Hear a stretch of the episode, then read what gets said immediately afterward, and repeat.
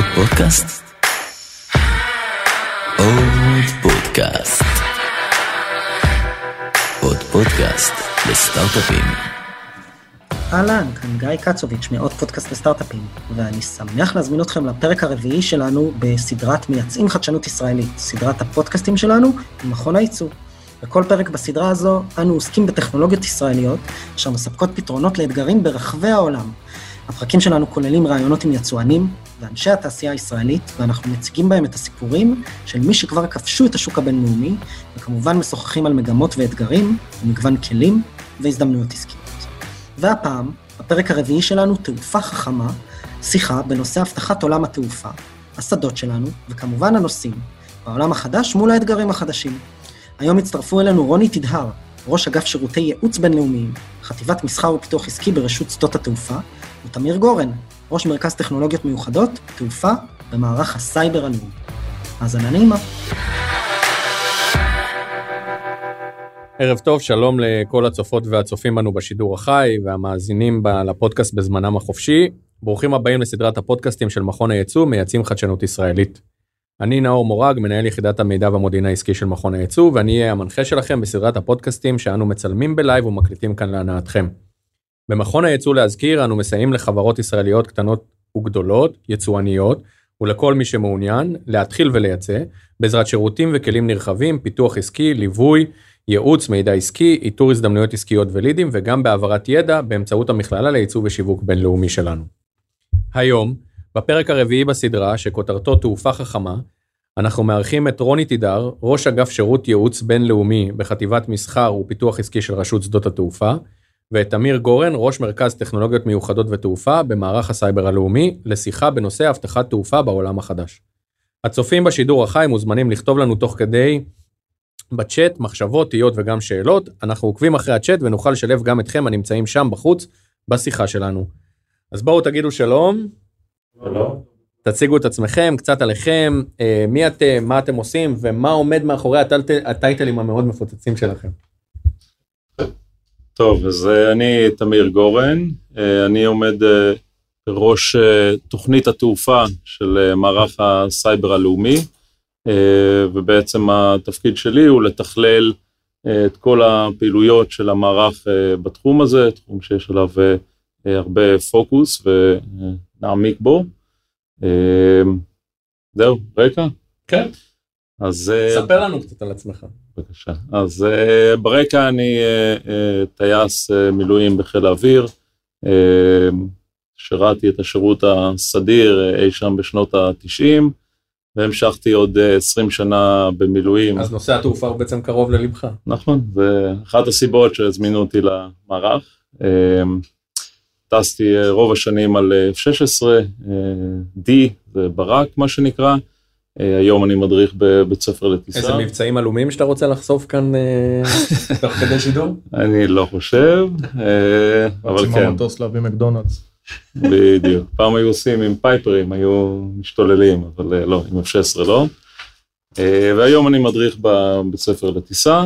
אה, במסלול האזרחי, אז עבדתי הרבה בתחום הסימולטורים, אה, גם סימולטורים צבאיים אמיתיים לכל מיני חילות אוויר אה, בעולם, אה, וגם משחקי סימולטורים. אה, הייתי אה, שותף, אה, אני גאה שהייתי שותף ליצירת כוכב כחול, למי שמכיר, אה, אה, סימולטור אה, מיתולוגי, אה, שפותח עבור אלקטרוניק.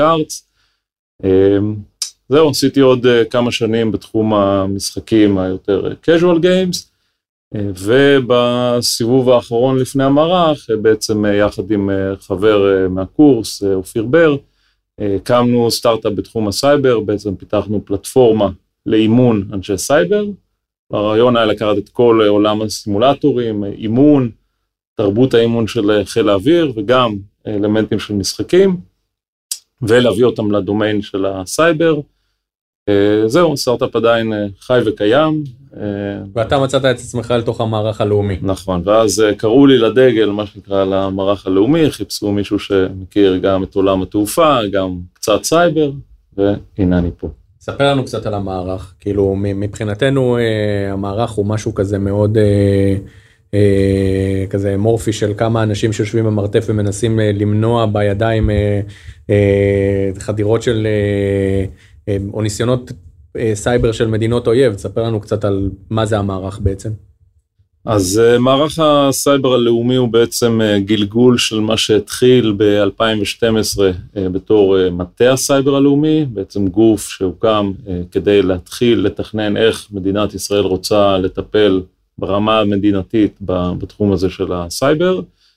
בהמשך, ב-2016 uh, הוקמה רשות הסייבר, וב-2018 בעצם uh, החליטו שאפשר לחבר את שני הגופים האלה, ובעצם יצרו את... Uh, אה, מערך הסייבר, אה, שהוא בעצם אה, מתכלל את כל עולם הסייבר האזרחי. כלומר, לצבא יש את גופי הסייבר שלו, לחלק משירותי הביטחון יש את הגופי סייבר שלהם, גם לחלק ממשרדי הממשלה, אבל המערך הוא הגוף המרכזי בצד האזרחי שאמור לטפל בכל נושאי הסייבר, ובאמת זה מתחיל, כלומר, אנשים מכירים את הסרט הלאומי בבאר שבע, אה, שזה בעצם החמ"ל. החמ"ל, קו המגע הראשון, אה, בטח עם האזרחים, אה, שמטפל בכל מיני טלפונים, החל באזרחים בודדים ודרך חברות ועד גופים יותר גדולים, ומטפלים בעצם באירועים. מאחורי הסרט הזה יש את כל המכלול שנקרא המכלול האופרטיבי, שבאמת מטפל ב-day to day באירועים ש, שקורים, אבל בנוסף לזה יש גם את ה... המכלולים היותר אה, אה, ארוכי טווח, בואו נקרא לזה. אה, יש את המכלול שאני שייך אליו, שהוא המכלול הטכנולוגי, שהוא בעצם מייצר את כל הטכנולוגיות, את הפלטפורמות, את האמצעים שמאפשרים לתת את השירות הזה, וגם להגן על השוק, המשק הישראלי, לפעמים בלי שהוא אפילו יודע, כלומר, מפתחים באמת דברים מאוד גדולים ורוחביים ברמה המדינתית, אה, ויש את המכלול אה, שנקרא תנופה, שהוא מטפל אה, בכל מיני ממשקים החוצה, החל בקשרי חוץ, עם כל מיני מדינות, ויש לו המון שיתופי פעולה עם מדינות רבות בעולם. סוג של שיתוף פעולה עם איראן, כן, פחות ברמת השיתוף פעולה, אבל לפי מקורות זרים. אמ, וגם אה, בדברים כמו קידום התעשייה, שזה מאוד אה, רלוונטי אליכם, בעצם אה, עידוד סטארט-אפים בתחום, יצירת קשרים, יצירת הזדמנויות, תמיכה באקדמיה. כן, אני בטוח שזה הנקודה שאנחנו נתעכב עליה, איך אנחנו מודדים סטארט-אפים בתחום הסייבר, אבל בואו ניתן רגע לרוני להציג את עצמו. רק על עצמי לספר ידעתי? כן. אלא מי? אנחנו נעשה את זה בשבילך. כן, תעבדו קשה. טוב, ערב טוב לכולם, לכל המאזינים והצופים. אה, אני עובד ברשות שדות תעופה אה, לא יותר מדי זמן, עדיין בתקופת ניסיון, סגרתי 30 שנה כבר. אה, רוב השנים בתחום הביטחון, הביטחון הפיזי, וכלפני ארבע שנים לקחנו והקמנו גוף של ייעוץ בינלאומי, הכוונה היא לייעץ לגופי תעופה בחו"ל, שדות תעופה, חברות תעופה רגולטורים ועוד דברים בתחומים שיש לנו עניין לעשות, לא כל תחום יש לנו עניין בו, להוציא אותו מטבע הדברים, כי צריך לזכור שאנחנו עדיין אה, אופרטור, אנחנו רוצים לשמור על הנכסים שלנו. אה, מעבר לזה, אה, אני פחות או יותר במקביל לשנים שלך, גם משחק במערך המילואים, עשיתי מספר תפקידים. גם אה, בחיל השריון, גם אה, בפיקוד העורף וכיום במפקדת העומק. אה, תפקידים, תפקידי פיקוד שונים עם הרבה ניסיון מבצעי. מעבר לזה, במקביל לעבודה ברשות שדות תעופה, גם הייתי הרבה שנים מאבטח באל על, מאבטח דלפקים, מטוסים, ובהמשך קב"ט תעופה ביחידות העתודה.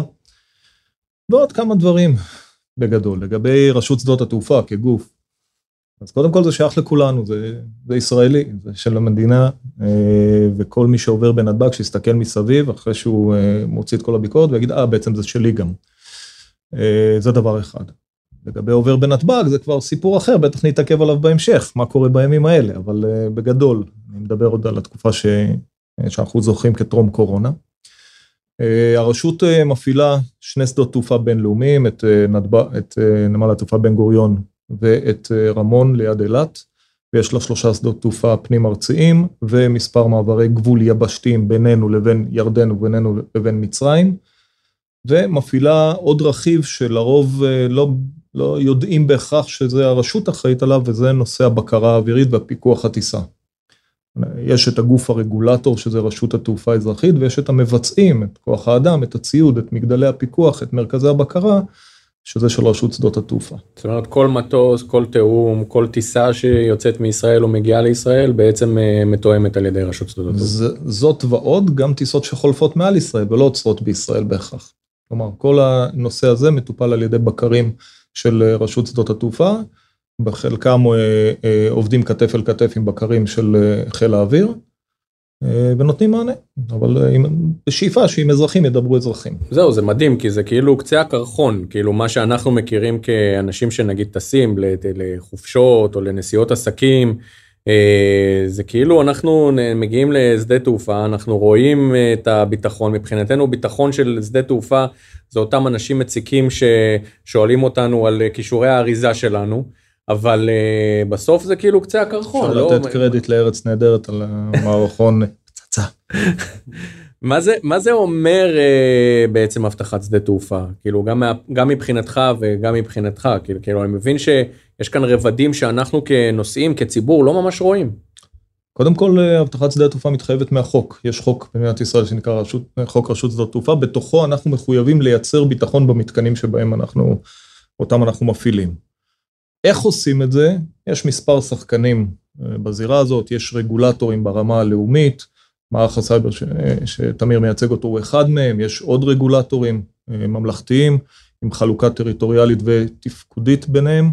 מי אחראי על מה, והגוף המבצע, וזה אולי היתרון הגדול שלנו גם ביחס לרשויות תעופה בעולם, או למפעילי שדה תעופה בעולם, שזה one stop shop. כל האחריות יושבת ברשות שדות התעופה ולא לתחום הביטחון, ואז בעולם מקבל זה לא מענה. ככה? בעולם לא, בעולם למשל בוא ניקח שדה תעופה אמריקאי ממוצע, יש חלוקה בפנים בין מה שעושה ה-FAA כגורם אה, שמפקח על, ה, על התעופה, על המטוסים, FAA זה המקביל לרשות מקביל התעופה לרת"א, האזרחית. מקביל לרת"א.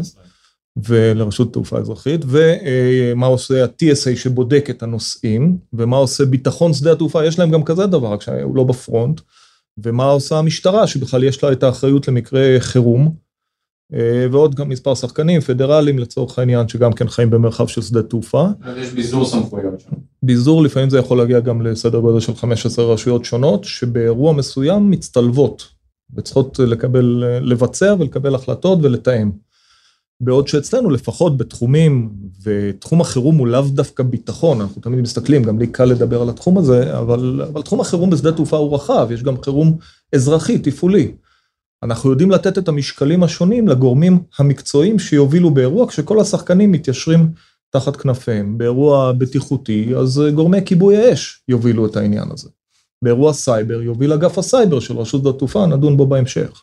באירוע ביטחון קלאסי, החל מאדם חשוד, חפץ חשוד, ועד לאירוע אה, של אה, אה, פיגוע, או בהתהוות או, או במעשה, שם מי שנותן את המענה זה במקרה של נתב"ג זה חטיבת הביטחון בנתב"ג ובמקרה של המתקנים האחרים שלנו יש לנו גוף אגף אה, ביטחון נוסף שפרוס שם ונותן את המענה.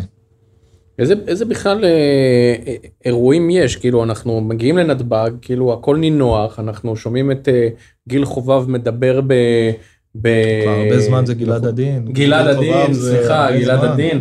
אה, חבר יקר אה, אה, באמת מקריין שם בנינוחות והכל באווירה בשדה היא אווירה של חופשה וכיף ודיוטי פרי וכזה אבל תכלס כאילו כמה כמה אירועים יש מה איזה אירועים יש בשדות תעופה בארץ בעולם מה מה המאפיין שלהם בכלל.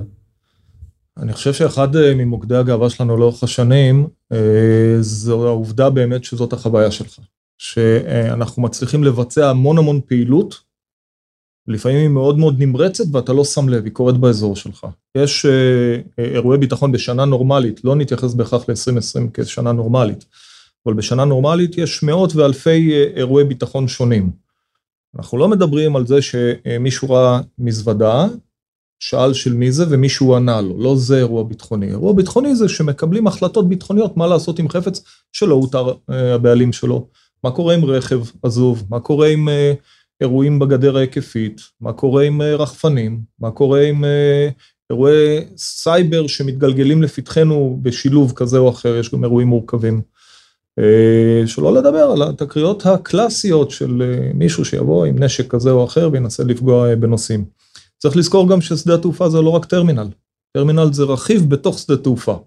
יש לנו שטח יחסית גדול, ואנחנו אמונים על הגנת ההיקף. צריך לזכור שמטוס, כשהוא באחריותנו, מהרגע שהוא נוגע במסלול הנחיתה, ועד הרגע שהוא מנתק ממסלול ההמראה.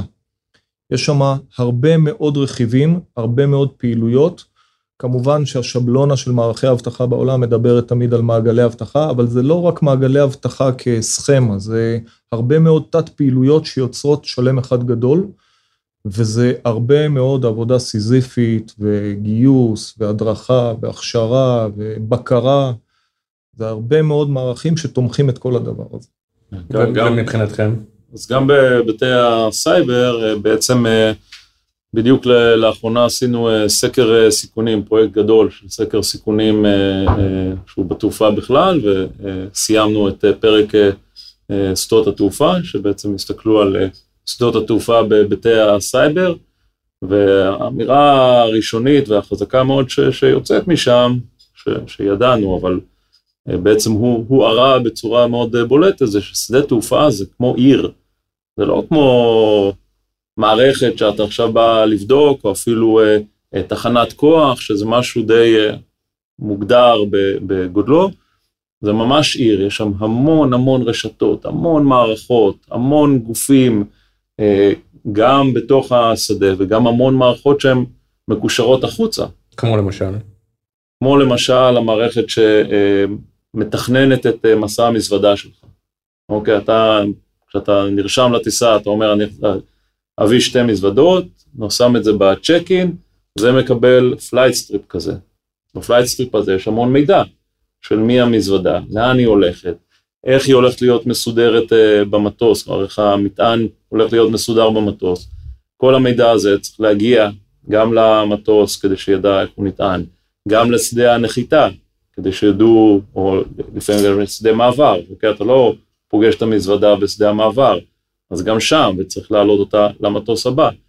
כלומר, הרשתות האלה שמטפלות בכל הנושא הזה, הן מערכות גלובליות, אה, שזה מוסיף רמת סיבוכיות שלא קיימת בהרבה מקומות. אבל אם אנחנו אחרים. מדברים על זה, אני יכול עוד לחשוב על מלא מערכות אה, שהן אה, חיצוניות כאילו לשדה, שיכולות להשפיע על מה שקורה בשדה. מערכת הכרטוס של חברות התעופה, אה, אה, מערכת התשלומים, מערכת החניות, אה, הכניסה והיציאה מנתב"ג, כאילו זה מערכות מידע, כאילו אם אתה עכשיו מתחיל למפות את המערכות מידע שמתממשקות לשדה התעופה, אנחנו יכולים להגיע לאלפי מערכות. אתה לא טועה. נכון, זה המון המון מערכות, ובאמת על כולם צריך להגן, ויש לראשת גוף סייבר מאוד מאוד חזק, שהשקיעו הרבה בו הרבה, ויש טוב, אני גונב לרוני, אבל יש פה סוק שיושב... זה בין חברים, בתוך השדה, אה, ומסתכל אה, על כל מה שקורה, ואנחנו שם בשביל אה, לעזור ו- ולתמוך, אבל כן, יש איזו אחריות רבה. ובעולם זה אותו דבר, זאת אומרת, גם שדות תעופה בעולם חשופים, כי הרי אנחנו יודעים שישראל היא תמיד מטרה, כן? ישראל היא מטרה במיוחד... אה, בנושא של התעופה, תמיד מטוסים ישראלים או מטוסים טיסות לישראל וטיסות מישראל היוו איזושהי מטרה אה, מאוד אה, נחשפת לארגוני הטרור. הדברים האלה קורים גם בעולם, זאת אומרת, אותם, אותם סיכונים שיש בנתב"ג הם הסיכונים שיש לשדות תעופה בעולם? תמיד אנחנו יכולים להתייחס לאירוע מכונן מבחינת העולם, וזה 9-11. גם עברנו את זה לא, לפני מספר ימים, את, את הציון של 19 שנים לאירוע. אה, פה לכאורה חלק מהעולם מתעורר. פיגועים בתעופה, חטיפות מטוסים, פיצוץ מטוסים, יש מתחילת המאה ה-20, ממש מתחילת התעופה. ממש, יש מאות אירועים בכל העולם. אה, ישראל, או, או התעופה הישראלית, תפסה איזשהו פוקוס מבחינה עולמית, החל משנות ה-60 המאוחרות, דרך אה, העשורים הבאים, אבל אני חושב שפחות או יותר באזור העשור האחרון, נוצר שיפט מסוים, מה שאנחנו תמיד אה, אה, בביקורים של אה, אורחים, תמיד הסברנו להם, חברים, אתם לא לעולם חוסן, גם אתם תהיו מטרה. אז החל מהפיגועים הדרמטיים של בריסל, הכוונות שהיו בפיגוע של, של פריז, שהיה אמור גם ללכת חלק מזה לשדה התעופה, האירוע באיסטנבול ועוד ועוד אירועים כבר הוכוונו לתעופה בינלאומית, שתמיד ניסו להדביק את זה איכשהו, אולי היה שם איזה ישראלי בקהל, אבל זה כוון לתעופה. אני חושב שעולם התעופה מכיר בזה שהוא בסיכון, עשו המון צעדים ששוב, אנחנו יכולים להגיד בגאווה מסוימת ישראלית, חיקוי של ישראל בשנות ה-70 וה-80 וה-90. למה זה כזה סתם כצבע? למה זה כזה סקסי לארגוני הטרור או למי שרוצה לפגע? הרי בסוף זה המקום הכי קשה, זה כאילו הדבר שהכי קשה לעשות אותו. כאילו למה למה זה כזה זה אפשר לפגע במיליון מיליון מקומות ודרכים אחרות ולהשיג תוצאות הרבה יותר טובות סתם כאילו בשאלה לא, רעיונית. שאלה למה? אמיתית זו שאלה שאנחנו דנים בה ומדברים עליה אה, עשרות שנים. קודם כל כי זה סקסי. כולנו אוהבים מטוסים. כך או אחרת חוץ ממי שמפחד לטוס. אבל אז אוהב אותם מבחוץ. אה, ולפגע בחופש התנועה ובחופש העיסוק, כי מיד פיגוע בתעופה גורר אחריו דומינו של אה, הרבה מאוד אה, התכווצות וסגירת אה, פעילויות. אני יכול לתת פה מספר אירועים די מפורסמים, קחו את 9-11 שמיד אחריו ארבעה ימים כל התעופה הייתה על הרצפה, ארבעה כן. ימים קורונה, זה היה רק ארבעה ימים, עכשיו אנחנו קצת יותר בזמנו זה היה דרמטי מאוד, פתאום צריכים לשדרג את כל המטוסים בעולם לתקן אבטחה מסוים, פתאום אה, צריכים להדריך אה, צוותי אוויר, שינוי נהלים, כל השני העשורים האחרונים מתאפיינים בהרבה הקשחה סביב נושא הסייבר. גם במטוסים עצמם, ויש פה מומחה תוכן ידבר על זה יותר טוב ממני. זאת הייתה דרך אגב שאלה שחשבתי עליה תוך כדי, ותכף נגיע לזה. אז, אז קודם כל זה קורה, העולם ער במדרג שונה. יש עדיין נאיביות מסוימת שאומרת לי זה לא יקרה, זה קרה אצל השכן שלי, אבל אצלי זה לא יקרה. זה גם עניין של תעדוף משאבים, זה עניין של תפיסה עצמית לאומית, אה, אה, יש כאלה שאפילו טוענים שאם הם יתמגנו זה יזמין את היריב לנסות לפגע בהם. זה כבר דיון אסטרטגי אחר לגמרי. זה, אבל... דווקא נושא, זה דווקא נושא שמעניין את ה, אולי את המאזינים שלנו, שרובם אה, אה, חברות או יזמים שמנסים לצאת אל העולם, להבין רגע מה, מה ההבדל בין מה שאנחנו עושים כאן כחברה, כ, ככוונה כחברת סטארט-אפ או משהו כזה שאנחנו מכוונים לשוק הישראלי מול מה שאנחנו מכוונים לשווקים הבינלאומיים. בשווקים הבינלאומיים צריכים לפנות ללקוח הספציפי, כפי שאמרתי, יש חלוקת אחריות. זה נחמד מאוד לבוא לשדה תעופה, ואני מכיר עשרות כאלה בעולם. אה, לבוא ולהציג להם מערכת נהדרת, רק זה לא בתחום אחריותם, הם כולם מצקצקים בלשון, אומרים זה נהדר, זה יפה מאוד, אבל תלך לשכן. לא תמיד אתה יכול להגיע לשכן, במיוחד אם הוא פדרלי, צריך לדעת להגיע. בין אם באמת באמצעות מנגנונים לאומיים כמו מה שהמכון שאנחנו יושבים אה, בקרבו כרגע, ובין אם אה, מנגנוני סחר אחרים. והחוכמה זה לבוא ולהציג לשדה תעופה רכיב שיכול לשרת אותם לרוחב גם, כלומר, שאם המשטרה שם תחליט לקנות את זה, מעבר לזה שזה משטרת מדינה או משטרה פדרלית והתפוצה היא אדירה, יכול מאוד להיות ש, שפתאום גם המכס ירצה. זה, זאת, זאת חוכמה אחת. ושתיים, לנסות להבין מה, what makes them tick. מה עובד אצל ה... בתחום האחריות הספציפי של אותו מנהל באותו אה, שדה תעופה או באותו, באותה עיר. צריך לזכור שבארצות הברית, שוב כדוגמה, שדות התעופה ברובם שייכים, או רשויות התעופה שייכות לעירייה, בצורה כזאת או אחרת. כן, כלומר, זה, זה משהו אה, שלא לא מבינים, שזה בנוי אחרת לגמרי. פה בישראל, בגלל שיש לנו רק יש אה, שדה וחצי, בוא נגיד, יחד עם אה, רמון, זה, זה כאילו השדה, בגלל זה, זה הרשות היא מוסד לאומי, בגלל זה מערך הסייבר רואה ב, לפחות באלמנטים בשדה התעופה כמה שנקרא תשתית מדינה קריטית, ששמים על זה המון המון תשומת לב, כי יש אחד, ואם זה עכשיו מושבת לכמה ימים, אז אנחנו בצרה גדולה, שוב, בימים כתיקונם. כן. בארצות הברית יש מאות שדות, עשרות שדות uh, גדולים. אם המטוס לא ינחת פה, הוא ינחת uh, שם, והכל, uh, והכל בסדר. סדר גודל של 450 שדות תעופה בינלאומיים ועוד אה, כמה אלפים. בקטנה. בקטנה. אני סופר. שלכל אחד יש רשות משלו. ואנחנו מדברים כל הזמן על ארה"ב, אני מזכיר שיש עוד אה, מדינות משמעותיות מבחינת אה, כמות שדות תעופה, וגם מבחינת ההשפעה שלהם, הגודל, העוצמה, וזה בסין, וזה בהוד, בתת היבשת ההודית. מה מה ההבדלים בתפיסת ההפעלה שלהם? כאילו לחברות שהולכות ו- ומפתחות מוצר שהן כאילו רגילות מ- מ- מהצרכים של ישראל, יש, יש שוני בתפיסות ההפעלה גם בעולם של האבטחה וגם בעולם של הסייבר במקומות שונים? אני אגיד במילה, כדי אה, שתמיר יתייחס לנושא הסייבר, קודם כל פרטיות, אירופה, ארה"ב, גם אוסטרליה, מאוד מאוד ממוקדי האם המערכת הזאת אה, חודרת לפרטיות האדם. אז זה חוקי צנעת פרט ו- ותרבות של, אה, של צנעת פרט. מטבע הדברים, אה, בסין זה קצת פחות מעניין, אותם מעניין רגישויות אחרות. אה, והחוכמה היא לבוא ולשים מוצר ש... ולהקשיב לצד השני, פשוט להקשיב ללקוח ולהגיד איפה הבעיות שלו, ולה, ולהנגיש לו את המוצר שתואם את הפתרון לבעיות שלו, ולא רק לבוא עם אה, זה שלנו ועכשיו תתחברו. בנושא הסייבר אה, בהחלט אה, אה, רשות שדות התעופה היא מובילה בתחומים האלה. אה, לא, לא, אין הרבה, אולי הראשון אפילו, ה SOC... אה, ה SOC שלנו היה הראשון, היום הם אה, מקימים בכל מיני מקומות SOCים, אבל זה לא בקנה מידה, לא בהיקף, לא בעומק.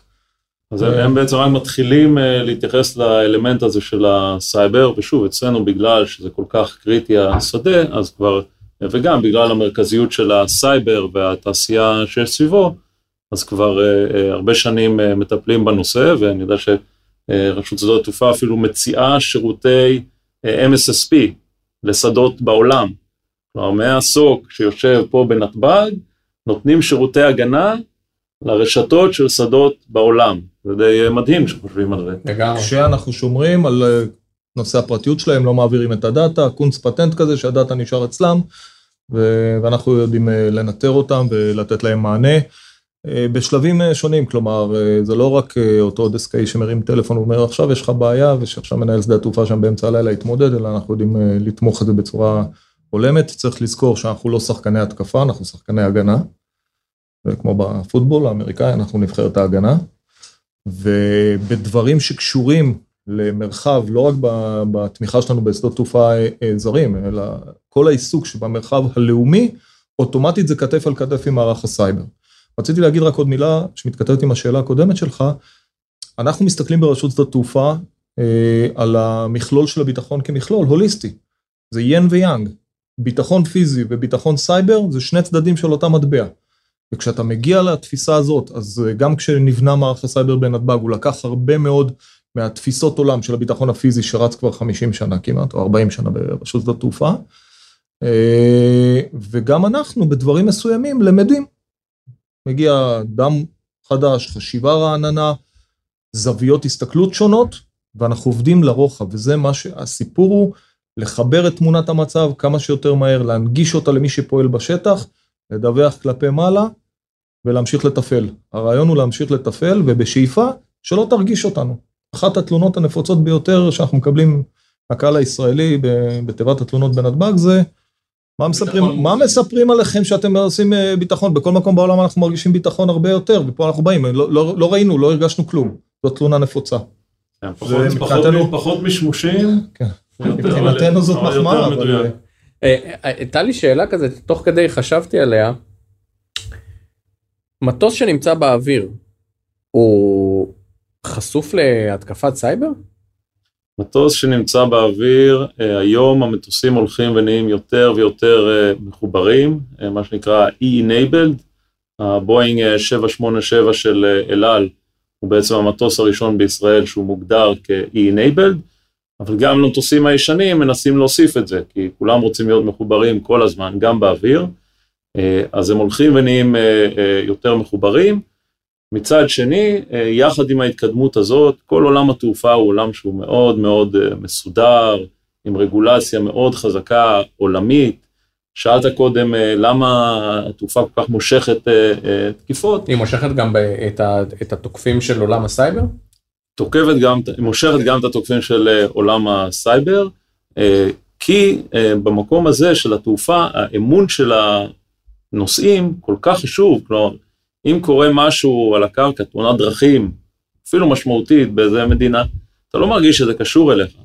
אבל אם נעלם מטוס מלזי, אתה פתאום, רגע, משהו קורה אזר- פה. עם זה- אזרחים של מדינות שונות עליו, כן. פתאום זה הפך לעניין גלובלי בינלאומי. וכולם עכשיו אולי פוחדים אה, לטוס, כלומר ההשפעות הן מיידיות וגלובליות, לכן זה, זה מעניין גם את ה-bad guys, אה, אבל מה שרציתי להראות בצד המרגיע זה שעם ההתקדמות הזאת והחיבוריות של המטוסים, אז כן הולכת יותר ויותר תשומת לב גם לעניין הזה של הגנת הסייבר, החל מהארכיטקטורה של המטוסים, הם מפרידים לחלוטין את הדומיין, את הרשת של הקבינה של הנוסעים, מהרשתות שבאמת אה, משמשות את הטייסים, או הרשתות שבטח שמפעילות המטוס, אה, אז כן הולכים ודואגים לה- להפרדות האלה. אז, אז הנמסיס של ניקולס קייג' לא יכול אה, לשבת במטוס ליד ולפרוץ לתוך התא הטייס של ה... זאת של המטוס. אורבנית שהתמודדו איתה מספיק ארגונים אה, אה, במדינ- במדינות לנסות באמת לשבת ולפרוץ באמצעות הסלולר או באמצעות הכבל הטענה למערכות המטוס. ניתן לזה מענה, זה מה שאפשר להרחיב. עכשיו רגע, כאילו זה נשמע נורא לאומי, זה נשמע נורא לאומי, פדרלי, אה, דיברנו על... אה, אה, הלוואי. על, שווקים... ברוב העולם זה עניין של חברות התעופה. לא, זורקים זה- את זה על חברת. התעופה. אצלנו זה לאומי. מה, הביטחון וה... הגישה הביטחונית. ברוב העולם אומרים לחברת התעופה, שיהיה לך בהצלחה. רגולציה כללית כזאת, כי כשמדברים ברגולציה אה, אה, של האו"ם, לצורך העניין ארגוני התעופה של ה-ICAO, של IATA, ארגונים בינלאומיים, היא מאוד מאוד רחבה גם. כלומר, היא צריכה לתת מענה לכל פינות העולם. אז הם צריכים גם להיכנס מתחת לכנפיים האלה, אה, to comply with it. וזה לא פשוט לקחת נניח את הרגולציה המחייבת את רשות שדות התעופה בישראל ולהטיל אותה עכשיו על, על עולם התעופה, זה צריך לגדול עם זה. הם גם לא תמיד רואים צורך, שוב, בגלל שיש להם את היתירות, אז ברמת השדות תעופה הם לא תמיד רואים צורך. דווקא חברות התעופה והמטוסים הם כן אה, יחסית תחת אה, רגולציה קפדנית עולמית. כי כאילו אני מנסה לחפש, כש, כשאנחנו מדברים ואני שומע את מה שאתם אומרים, אני מבין שיש הבדל מאוד מאוד מהותי בין מה שקורה בישראל לבין מה שקורה בעולם. ואני מנסה לחפש כאילו את המקום שבו אה, יש לחברות הטכנולוגיה, לחברות שמייצרות טכנולוגיה, בין אם זה מקום, כאילו חברות טכנולוגיה של ביטחון פיזי ושל מעגלי האבטחה, לבין חברות אה, טכנולוגיה של תחום הסייבר. אני מנסה להבין, במיוחד כשיוצאים אל העולם, אולי בשווקים השונים, איפה, איפה נמצא הפוטנציאל שלהם? זאת אומרת, איפה המקום שלהם בתוך כל המשחק הזה? כי זה נשמע שכאילו האחריות היא פדרלית, או עירונית, או משטרתית, או אה, ב, ב, ב, במקרה שלנו, של ישראל, היא לאומית. איפה המקום של החברות טכנולוגיה במשחק הזה? להבין, להבין את המרחב ולבוא להציע פתרונות, כי בסוף מרוב שיש אחריות, כפי שאמרנו, של גופים רבים, בסוף אף אחד לא אומר מה צריך או איך צריך לבצע, אלא זורקים את האחריות. וכשתבוא חברה ישראלית, ויש המון חברות בשוק עם פתרונות נהדרים, והן יכולות להתחרות אחת בשנייה, זה בסדר, העולם גדול, אבל המחשבה, המחשבה היצירתית, המחשבה שלצורך העניין מווידאו אנליסיס אפשר לייצר הרבה מאוד שכבות של וידאו אנליסיס, בלי להתקין עכשיו מערכות חדשות, לדוגמה, זאת מחשבה, אה, אה, זה מקום להיכנס אליו. אה, לבוא, אה, להגיד לאמריקאים, בואו תקימו עכשיו גדרות מסביב לשדות תעופה בתקן ישראלי, אה, כשהם לא מחויבים על פי הרגולציה, והם לא רואים בזה באמת גם צורך, כי הם אומרים, מי יבוא עכשיו ב pickup truck דרך הגדר, חוץ מזה שבאים להם אחת לכמה זמן, אם קוראים עיתונים שומעים ש- שמגיעים אליהם. אבל זה נראה להם פחות חשוב. אז מערכות וירטואליות, גדר וירטואלית יכולה לתת מענה. מכ"מים כאלה ואחרים, יש מספיק אה, טכנולוגיות ישראליות מובילות בתחום, ויש להן לאן, ללכת. כן, וזה שזה גופים, אה, כל מיני סוגים של גופים, ולא בהכרח אה, חברות פרטיות, אם, לשם כיוונת, זה לא בהכרח מכשלה. זה לא שתמיד יותר קל למכור לחברות פרטיות מאשר לגופים ממשלתיים או עירוניים, לפעמים להפך, לפעמים התקציבים דווקא שם, והם רוצים להרגיש שהם עשו את שלהם, ואולי חברה פרטית תהיה קצת יותר אה, קמצנית. זה, זה, לא, זה לא מונע את המכירה, זה שזה לא בידיים פרטיות. ולחברות יזמיות, שבאות עם איזה טכנולוגיה חדשה או איזשהו פתרון חדש, יש, אתם חושבים נגיד מהניסיון שלכם, עדיף לבוא נגיד ל-proof of concept אה, בישראל, לנסות ולשכנע את אה, רשות שדות התעופה או את מערך הסייבר, לא יודע אם מערך הסייבר עושה proof of concepts, כאילו עובד עם חברות ישראליות ב, ב, בלנסות את הטכנולוגיה שלהם, אבל עדיף לחברות כאלה לנסות את הטכנולוגיה כאן, או ללכת ולשכנע נגיד שדות תעופה בעולם או מתקנים בעולם לנסות את הטכנולוגיה שלהם. אז קודם כל מערך הסייבר זה חלק מהיעדים שלו, זה לקדם, לעזור לקדם את התעשייה, הוא לא קונה מוצרים, גם לא בודק אה, מוצרים, אבל הוא בהחלט תומך בחיבורים, לפעמים גם ב, אה, כשיש פרויקטים שהם ברמה לאומית, אה, כולל למשל, יש מנגנון שנקרא מו"פ דואלי, מסד, אוקיי, מו"פ סייבר דואלי, שאנחנו יחד עם מפא"ת מפתחים את אותו, אותה טכנולוגיה, אותו מענה, כזה שיודע לענות גם לשוק האזרחי וגם לשוק הצבאי. אוקיי? לכן okay. אוקיי. זה דואלי. Okay. כן. אז יש גם מקומות שכן אה, משקיעים אה, אה, תקציבים, אבל בטח בלעזור ולעשות את החיבורים. ו... ויש מה, בטח שיש מה לדבר, יש אנשים שזה תפקידם במערך, ואנחנו שמחים לשתף פעולה עם כל חברה שרוצה לעזור, כמוכם, אנחנו פה בשביל לעזור. ואתה חושב שיש יתרון בלעשות את ה... proof of concept או לנסות ולקדם דברים דרך, אה, דרך מערך הסייבר, או שאני כחברת סייבר נגיד מתחילה, אם יש לי איזשהו פתרון לשדה תעופה, האם שווה לי נגיד קודם כל לנסות ולייצר איזשהו POC עם איזה שדה תעופה בעולם. יש יתרון לזה שחברה תעשה POC עם שדה, עם שדה תעופה ישראלי? היתרון הוא שבארץ אה, זה, כולם מכירים את כולם, מדינה קטנה, כבר אה, באת למערך הסייבר, אה, אני יכול להרים טלפון לרוני או לאנשי הסייבר ולראות אם יש להם פה מקום ל-proof אם זה פתרון שמעניין אותם, זה קרוב, לא צריך לטוס, מה גם שעכשיו אי אפשר, ולכן תמיד שווה להתחיל close to home. אם יש איזה קשר ואפשר להביא אה, תוצאה בטווח קצר בשדה תעופה משמעותי בארצות הברית, אז כמובן שזה יהיה דרך כנראה יותר אה, קצרה לשוק היותר גדול הזה, שבסוף, אה, שוב, בגלל הקוטן, צריך לצאת. הפתרון לתעופה יהיה חייב להסתכל על העולם, הוא לא יכול להסתפק בארץ כנראה. אז זה היתרונות, אם מישהו יכול ללכת ישר החוצה, על הכיפאק, אבל תמיד אני בעד להתחיל close to home. Unfortunately, לנו יש מגבלות מסוימות בתור גוף ציבורי. היינו שמחים מאוד שיהיה לנו שדה ניסויים, בין אם זה בנתב"ג או ברמון או באחד מהסודות הפנימיים, ולהשקיע גם אה, אה, את הידע ואת הניסיון הנצבר. הבעיה היא שמבחינת אה, החוקים שאנחנו כפופים אליהם, אנחנו לא יכולים לתת יתרון ליזם כזה או אחר, אנחנו צריכים לתת לכולם במכה אחת. וחס וחלילה, אם, אם הוא עוד יבוא יום אחד גם להתמודד במכרז, אז תעדפנו אותו כי נתנו לו שדה ניסויים וידע שלנו. אז יש לנו מעט מגבלה, מעט מאוד אה, אה, דברים אה, שבתיאום עם הרגולטורים נכנסים לניסוי, ואנחנו גם צריכים לראות בזה בסוף גם איזה added value למערכים שלנו. כלומר, יש דברים נפלאים שמייצרים בישראל, אבל זה לא רלוונטי אלינו. זה פשוט לא רלוונטי לשיטת העבודה או, או לרמת המיומנות הנדרשת בהקשרים הישראליים. וזה מאוד אקטואלי ורלוונטי לאירופה, אה, אה, לאוסטרליה ולארצות הברית, או לאמל"ט. או לאיחוד האמירויות. אה. או לאיחוד האמירויות, אוטוטו, קרוב גם זה. עכשיו, כן. צריך לזכור שיש להם שדות תעופה וחברות תעופה מובילות, והם עם הקישוריות לארץ, כדאי מאוד ש, שלישראל יהיה שם חלון, לצורך העניין, אני לא אדבר על דברי עבר, מה היה בעבר, אני מדבר על קדימה, החל מהיום. עכשיו, ולכן, יש, יש ולכן רק לשאלתך, אם יש אפשרות לייצר קשר עם שדות בחו"ל שיש להם פחות מגבלות בתחום הזה, אני הייתי אומר, go, try there, לצורך העניין, צריך לנסות. תמיד יוצרים איתנו הרבה מאוד קשר, גם בתחומי הסייבר עם הקולגות הרלוונטיים, וגם uh, בתחומי הביטחון הפיזי או ה-safe city, safe smart city. Uh, יוצרים איתנו הרבה קשר ומנסים את זה. איפה שניתן, שאנחנו נגיד, וואלה, זה לא משרת אותנו, אבל זה הוקטור שצריכים ללכת אליו. זאת החשיבה, שים לב למוצר שלך, תן לו טוויסט מסוים, הוא יהיה מושך לא רק לשדות תעופה, כי אני מניח שאף חברה לא בונה רק לשדה תעופה, היא רוצה להתרחב לצדדים. כן.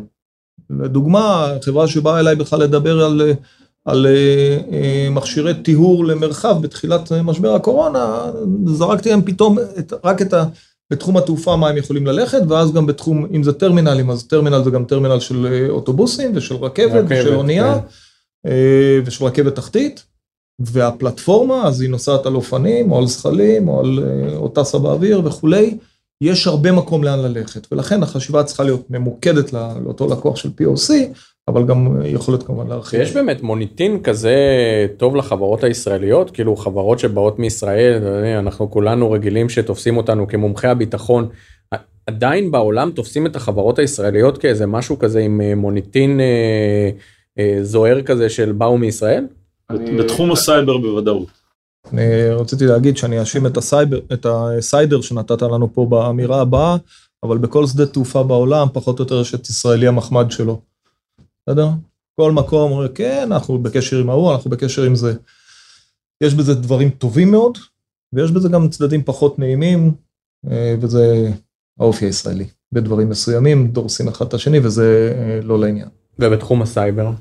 בתחום הסייבר אה, יש יתרון מובהק וברור, גם בעיקר אפילו בגלל, בזכות היחידות הצבאיות שעוסקות בזה, שלוקחות בעצם ילדים בני 18 ומעבירות אותם שלוש או ארבע או חמש שנים, אה, מסלול לימוד ויישום אה, מאוד מאוד אה, אינטנסיבי ורוב המקומות בעולם אין להם את הדבר שמתחרה עם זה. תוסיף לזה את החדשנות, את הראש היהודי, את ה... שלא תקרא לזה, וכן יש מוניטין שהוא גם מוצדק, הוא מוכח, הוא לא משהו באוויר. אבל להיות חברת סייבר ישראלית זה קצת, אה, אתה בא קצת עם באגג' שהוא אפילו אפשר להגיד overweight אם נשתמש רגע במונחים של, של תעופה. כי כאילו הסייבר הישראלי הוא מפוקח, לא? זה, זה לא מפריע לחברות הישראליות במסגרת התחרות הגלובלית שלהם? לא, אני, אני חושב שהחברות, בטח אלה שמסתכלות uh, החוצה, הם ידעו לפתח ככה שהן uh, לא מגיעות לרמה של פיקוח או פיתוח, פיתוח ביטחוני שדורש אה, אה, פיקוח, אה, ואלה שכן ושבאו מה, מהנתיב הזה, אז גם, גם לזה יש את הפתרונות, נכון? זה קצת מסרבל. בדרך כלל החברות שבאמת מפתחות פתרונות כאלה ביטחוניים, שעוד שנים לא יוכלו לצאת החוצה וגם שום נגזרת שלהם, זה לא הסטארט-אפים הקטנים, זה, זה החברות היותר ביטחוניות, ש... לזה הן רגילות, מזה הן חיות. ו... ושוב, המוצר הוא בעיקר לעולם התוכן שאנחנו מדברים עליו, זה מוצרי הגנה. ויש הבדל גדול בין שני צידי המגרש. ו... ולכן זה גם מה שמחפשים בעולם. לא מצפה עכשיו שתיתן לו כלי התקפי, שזה התפקיד של ה-NSA ושל ה-FBI ושל לא יודע מי. הוא מצפה, תן לי מה שיכול להגן עליי, שזה יעלה באופן סביר, ושזה לא יעשה לי הרבה כאב ראש. ולא יפגע בפרטיות ועוד כל מיני דברים. זה ו... חלק מהכאב ראש. כן.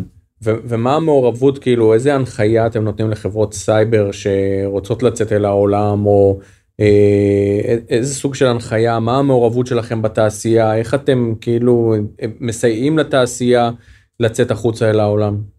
אז, אה, אז באמת, אה, כמו שרוני אמר, גם אנחנו גוף אה, ממשלתי, ולכן כן, תמיד הדברים צריכים להיות אה, הוגנים, אה, פתוחים לכולם, אה, בצורה מאוד מאוד קפדנית, אבל אנחנו נותנים הזדמנויות, מייצרים הזדמנויות, מייצרים כנסים, אנחנו מעורבים יחד עם אוניברסיטת תל אביב ב Cyber Week, שמביא לפה כל קיץ, נוציא את הקיץ האחרון, אבל מאות ואלפי מבקרים שבאים לראות את הסייבר הישראלי, אה, אנחנו, יש לפעמים כנסים בחו"ל שאנחנו יכולים אה, להביא אה, גם סטארט-אפים ישראלים וחברות ישראליות, בעצם יוצרים את ההזדמנויות האלה.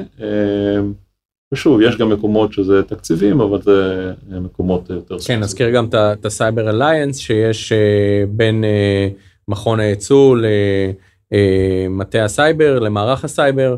אה, ביחד עם, אה, עם אה, מנהל סחר חוץ, שאנחנו שלושה גופים שעובדים ביחד כדי להעצים את היצואן הישראלי ועושים הרבה מאוד פעילויות במהלך, ה, במהלך השנה והרבה מאוד פעילויות עם המשותפות כדי לתת הרבה מאוד, הרבה מאוד כלים.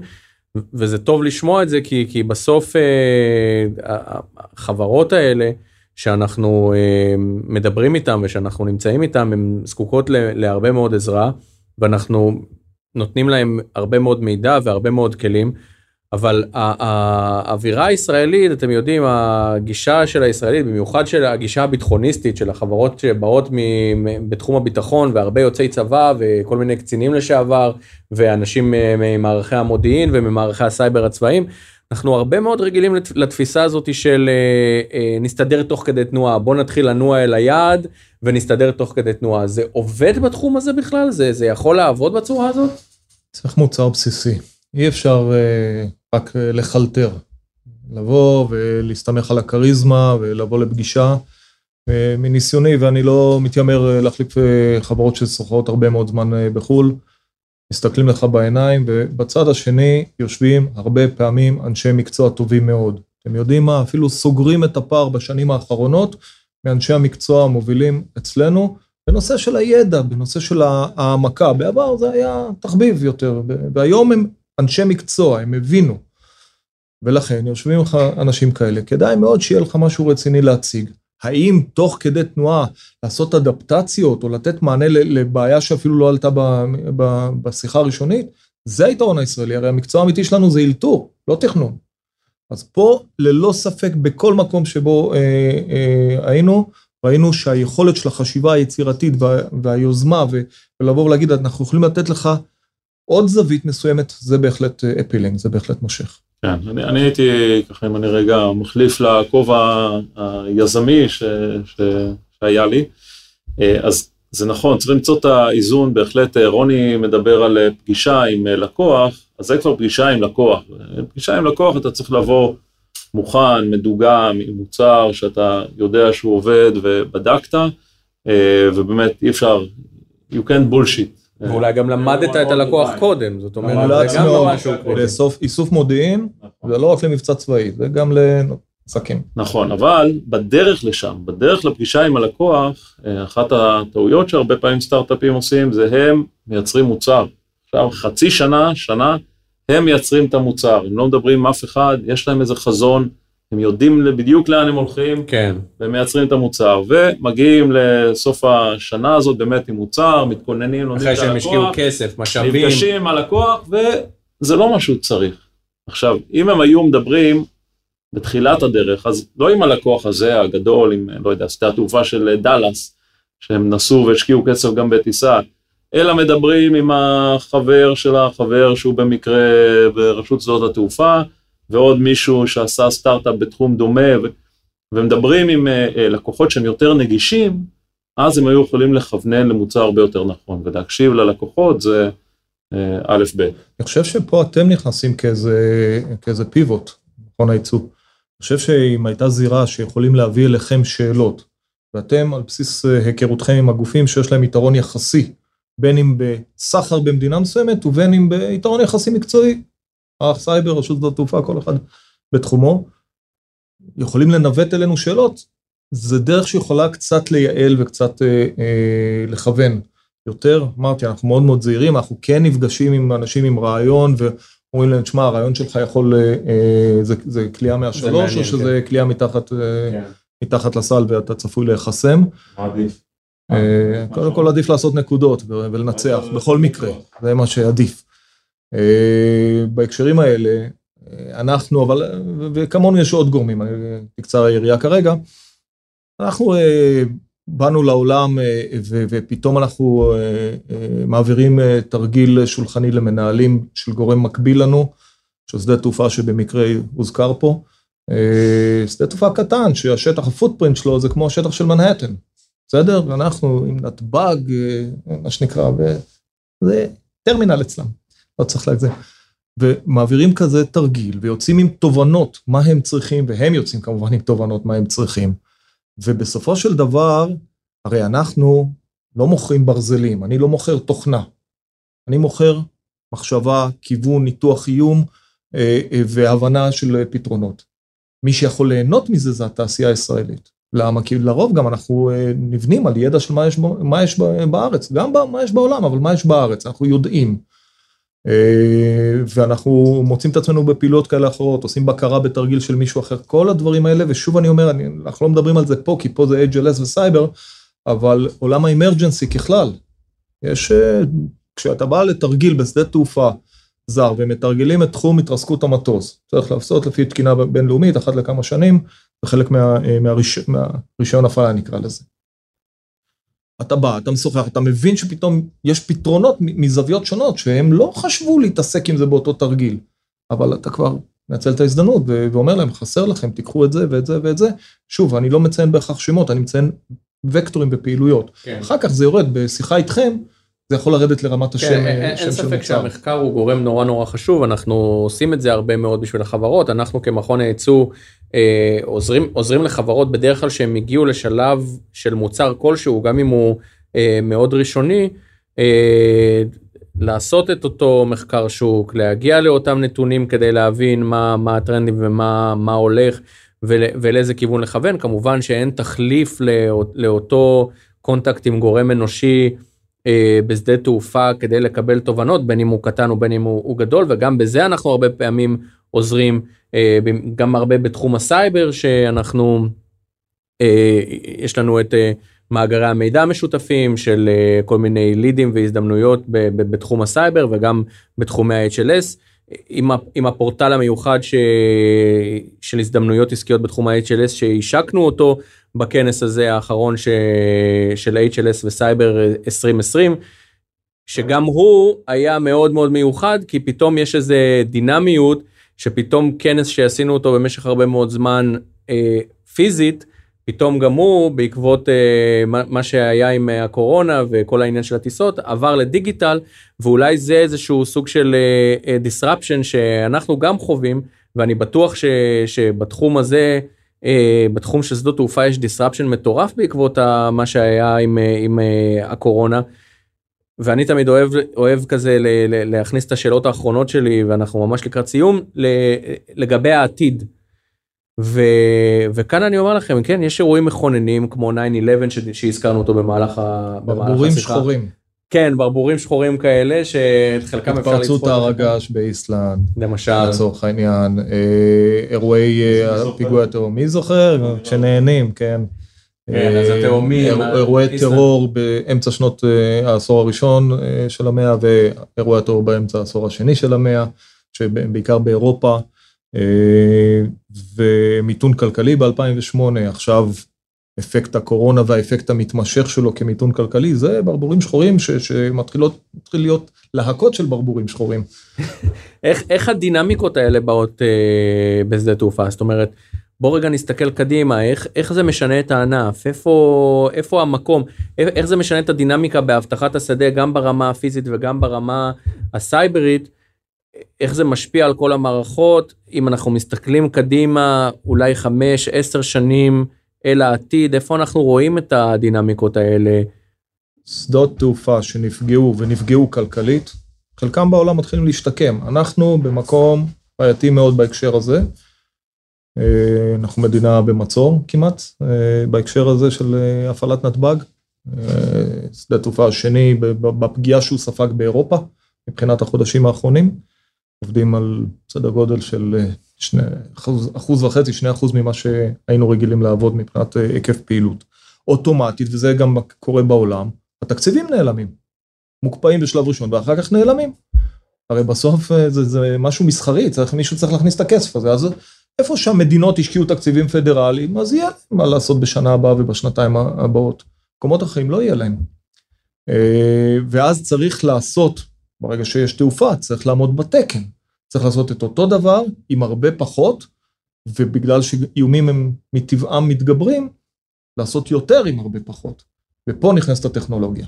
כי כוח אדם זה משאב יקר מאוד, גם אם הוא מיומן ביותר כמו העובדים שלנו, בסוף זה משאב יקר.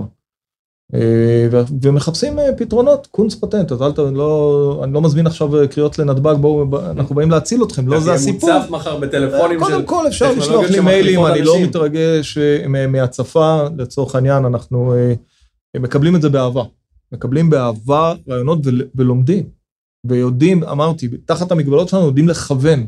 אבל נוסף לכם כאילו עוד נוסף לכם עוד אה, מעגל זאת אומרת אה, אולי אולי החבר'ה מ- ממערך הסייבר יודעים ל- להתמודד עם איזשהו אה, אה, תוקף בלתי נראה אבל כאילו פתאום ב- בעולם האבטחת התעופה יש תוקף בלתי נראה בדמות וירוס שגם איתו צריך להתמודד. בוודאי, המעגל הזה, וזה ויכוח גדול מאוד בעולם, גם בתוכנו אבל גם בעולם, האם זה עיסוקו של אה, איש הביטחון בשדה תעופה? למה איש ביטחון? מה, איש ביטחון חייב למדוד חום למישהו או, או אה, לקרוא טופס ש- שמילאת באתר? לא, יש רכיבים אחרים שיכולים להתעסק עם זה. למה פונים בעולם, גם אצלנו וגם בעולם, אה, TSL למשל, בואו תבצעו את זה, בגלל יכולת הביצוע. כי זה אנשים משימתיים והם נמצאים כבר, אז תוסיף להם עוד משהו.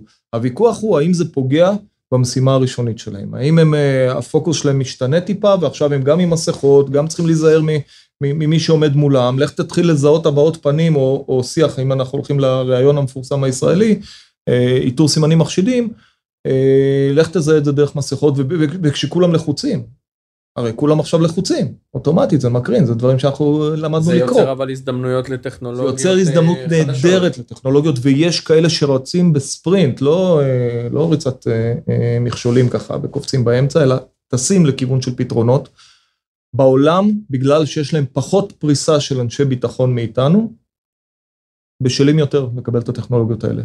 עכשיו, אני לא מדבר על האופיום להמונים של מצלמות למדידת אה, חום גוף אה, או, או מתחומים כן, כאלה ואחרים. זה הרי... איפה אתה רואה את זה, הפוטנציאל? זה פה? סתם, זה היה קל, אז, אז זה פתאום הפך לרגולציה, זה לא באמת הדבר האמיתי. אה, אבל כל נושא ה-touchless בשדות תעופה, הנגשת מידע, אפליקציות שמדברות מהנייד שלי, אני לא רוצה להזמין במקדונלד שאני נוגע עכשיו בקיוסק, אה, סוף סוף שמו קיוסקים, אבל אני לא רוצה לגעת בהם עכשיו. אז עכשיו אתה, אתה מתמגן, אתה שם כפפה ו- ו- וכולי. אני רוצה להזמין את הדבר הזה בווב, לצורך העניין, מהטלפון שלי. הוא כבר מזוהם, הוא איתי כל הזמן, כל הדרך, אני לא רוצה לגעת בכלום. תאי שירותים, לא תאמינו, אבל תאי שירותים הפכו להיות אה, מוקד פיתוח. אתם מכירים בחניונים את הנורות בתקרה של הירוק ואדום, מה תפוס? במקום לגעת בדלתות. במקום לגעת בדלתות ולבדוק זה נפתח, לא נפתח, אתה רואה ירוק או אדום.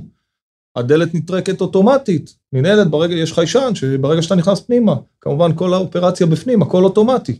אז נכון שהיפנים עושים את זה כבר 30 שנה בתא שירותים באמצע היער. אז לקחו את הדברים האלה, העתיקו אותם עכשיו לשדות תעופה, ואתה רואה ה-seamless passenger או voyage שדיברנו עליו לפני חצי שנה, הפך להיות גם touchless. זה, זה עכשיו המקום להיכנס. על זה רוכב כל נושא טכ- טכנולוגיות הסניטציה למיניהם.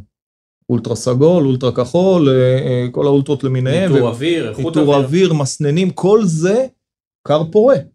ב- וצריך לזכור, הטרמינל הוא טרמינל, ויש הרבה טרמינלים אה, בזוויות אחרות בעולם שהם לא רק תעופה, וזה בניין משרדים גם, וזה רכיבים אחרים. אם אתה צריך פתאום לעשות סניטציה למזוודות, זה עוד לא שם, כדי שבודק הביטחוני שצריך לפתוח את המזוודה, לבדוק אותה, לא יידבק, אבל יכול להיות שזה גם יגיע לשם.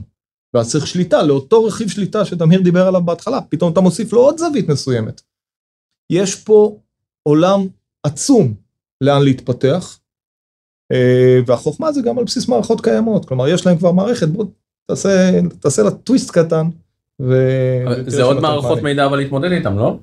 אז, אז בהיבטי הסייבר, אה, קודם כל אם ייכנסו מערכות, אז כמובן שזה עוד מערכות מידע להתמודד ולהגן, אבל אה, בהסתכלות שלנו, בעיקר ההסתכלות היא שהאיום לא השתנה, האיום רק, רק גבר, בסדר? יש אה, חבר'ה צעירים אולי שיושבים בבית, בצד הלא נכון של הגדר, ואומרים, "אה, בואו נתקוף אה, שדה תעופה, זה נראה מעניין, שוב, דיברנו סקסי, אה, ולכן התעופה אולי ירדה, אבל האיום אם כבר עלה, ויותר מזה, עולם התעופה, אם ננסה רגע זום אאוט, הוא ימשיך להתקדם. כלומר, העולם כשהוא יחזור, והוא מתחיל לחזור, והוא ייקח שנה, שנתיים, ארבע, חמש, הוא יהיה יותר חכם, יותר אה, אה, ממוקד, המטוסים שיגרטו, ש, שמוציאים אותם, הם מן הסתם המטוסים הישנים, אז יותר, אחוז יותר גדול מהמטוסים יהיו המטוסים המחוברים האלה, אה, הכל יהיה touchless אולי, הכל יהיה, ירצו לייעל, אז זה ילך והקר ההתקפה, ה-tax surface מה שנקרא,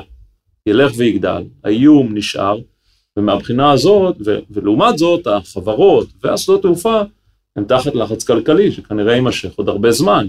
אז עכשיו יש להם פחות להשקיע בדברים האלה, וזה מבחינתנו כגוף ממשלתי, זה מקום שאנחנו מרגישים אחריות להיכנס ולתמוך, ולפעמים גם ליישם רגולציה, כדי שהדברים והעולם הזה יישאר באמת גם חכם ומהיר, אבל גם, וגם פתוח. זה מדהים, כאילו דווקא ההזדמנויות העסקיות באות ממקום שהוא בלתי צפוי, הווירוס הזה מייצר הרבה, הרבה מאוד הזדמנויות בסביבה החדשה של שדה התעופה, זה, זה, זה מרתק איך הדבר הזה הוא קרוס ורטיקלי ומגיע מהרבה מאוד הזדמנויות, או כמו שדור, אחד המפיקים שלנו אוהב להגיד, למדנו הרבה. אני, אני רוצה להודות לכם, תמיר ורוני, על, ה, על המידע הרב שנתתם לנו, על האינסייטים שלכם היום. ועל, ה, ועל ההבנה של התחום ושל ההזדמנויות אה, שיהיו בעתיד. תודה רבה לכל הצופים בלייב והמאזינים בפודקאסט, יזמים ויצואנים המעוניינים ליהנות ממגוון השירותים והסיוע שמציע מכון הייצוא, מוזמנים ליצור קשר עמנו באתר האינטרנט או בכוכבית 2078. חפשו את הפרקים הנוספים בסדרה שלנו, ועד הפעם הבאה, מכאן במכון הייצוא, נשתמע. בעיקר לטוס, ברגע שאפשר יהיה. ולהיות בריאים. ולהיות בריאים. להיות בריאים.